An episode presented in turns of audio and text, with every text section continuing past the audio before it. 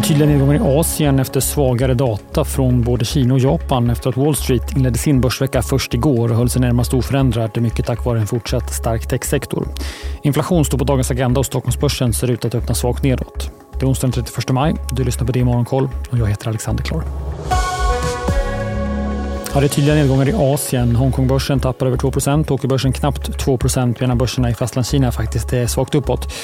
Från Kina har vi fått eh, svagare inköpschefsindex från industrin. Index sjönk en bit under 49 för maj, alltså lägre än i april och lägre än väntat.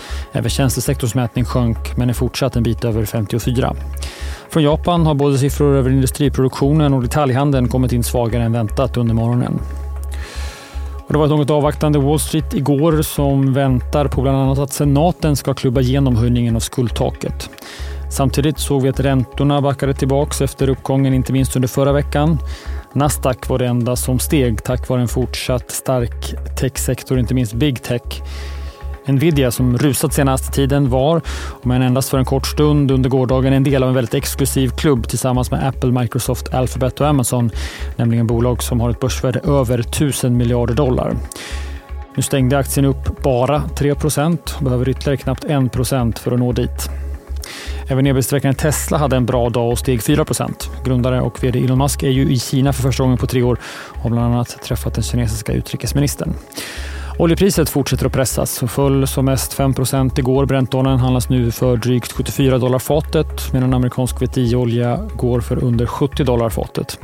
Efterfrågan faller snabbare än väntat samtidigt som lagren är välfyllda skriver bland annat Bloomberg om och lyfter att oljepriset fallit på att den kinesiska återhämtningen inte blivit så kraftfull som man först trott. Sverige såg först om att Handelsbanken säljer delar av sin finska verksamhet. Handelsbanken säljer sin privatkundsaffär samt livförsäkringsrörelse till tre köpare, S-banken, Oma Sparbank och Fenja Liv. Handelsbanken får 1,3 miljarder euro kontant. SBBs storägare och vd Ilja Battlands bolag skjuter upp sina räntebetalningar. Ilja Battlan Invest skjuter till vidare upp sina betalningar på bolagets hybridobligation, något man säger sig ha möjlighet att göra enligt villkoren och det beror på att SBB i sin tur sköt upp sin utdelning. I Battlan äger majoriteten av sina SBB-aktier genom sitt bolag. Och Finansdepartementet har nu även involverat sig i krisen kring SBB. Enligt källor så har myndigheten varit i kontakt med flera stora investerare för att förhöra sig om intresset för att köpa upp samhällsfastigheter som skulle kunna komma ut till försäljning. Och på tal om fastigheter så har Castellums företrädesemission genomförts. Bolaget tar in drygt 10 miljarder och erbjudandet ska ha tecknats till drygt 150 procent. Det slutliga utfallet i emissionen väntas offentliggöras imorgon. Sent igår kom även uppgifter om att Ericsson försöker sälja sin brittiska tv-verksamhet Red Bee Media. En del av bolaget som beskrivs som en förlustaffär och som Ericsson köpte på sig för ungefär tio år sedan. Magasintjänsten Readlys VD Mats Brand lämnar sin tjänst med omedelbar verkan och ersätts av Filip Lindqvist som tillträder idag. Tidigare i år så köptes Readly av Bonnier. Några få rapporter idag, bland annat från bostadsutvecklaren Besqab. Under dagen får vi också flera spännande inflationsutfall, bland annat från Frankrike, Italien och Tyskland. Då ska man ha med sig den spanska oväntat låga siffran som kom igår in under 3 det väntas nedgångar i alla stora europeiska länder, om än till högre nivåer. Tysk inflation kan nämnas och väntas komma in på knappt 7 procent.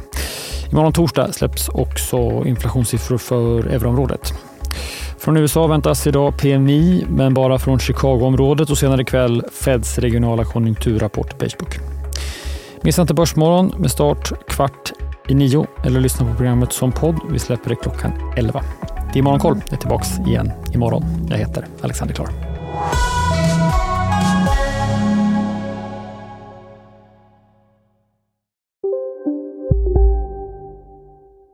Har du också valt att bli egen?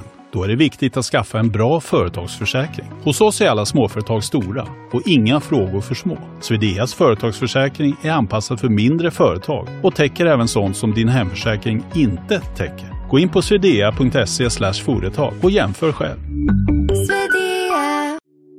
Hej, Ulf Kristersson här. På många sätt är det en mörk tid vi lever i. Men nu tar vi ett stort steg för att göra Sverige till en tryggare och säkrare plats. Sverige är nu medlem i Nato. En för alla, alla för en.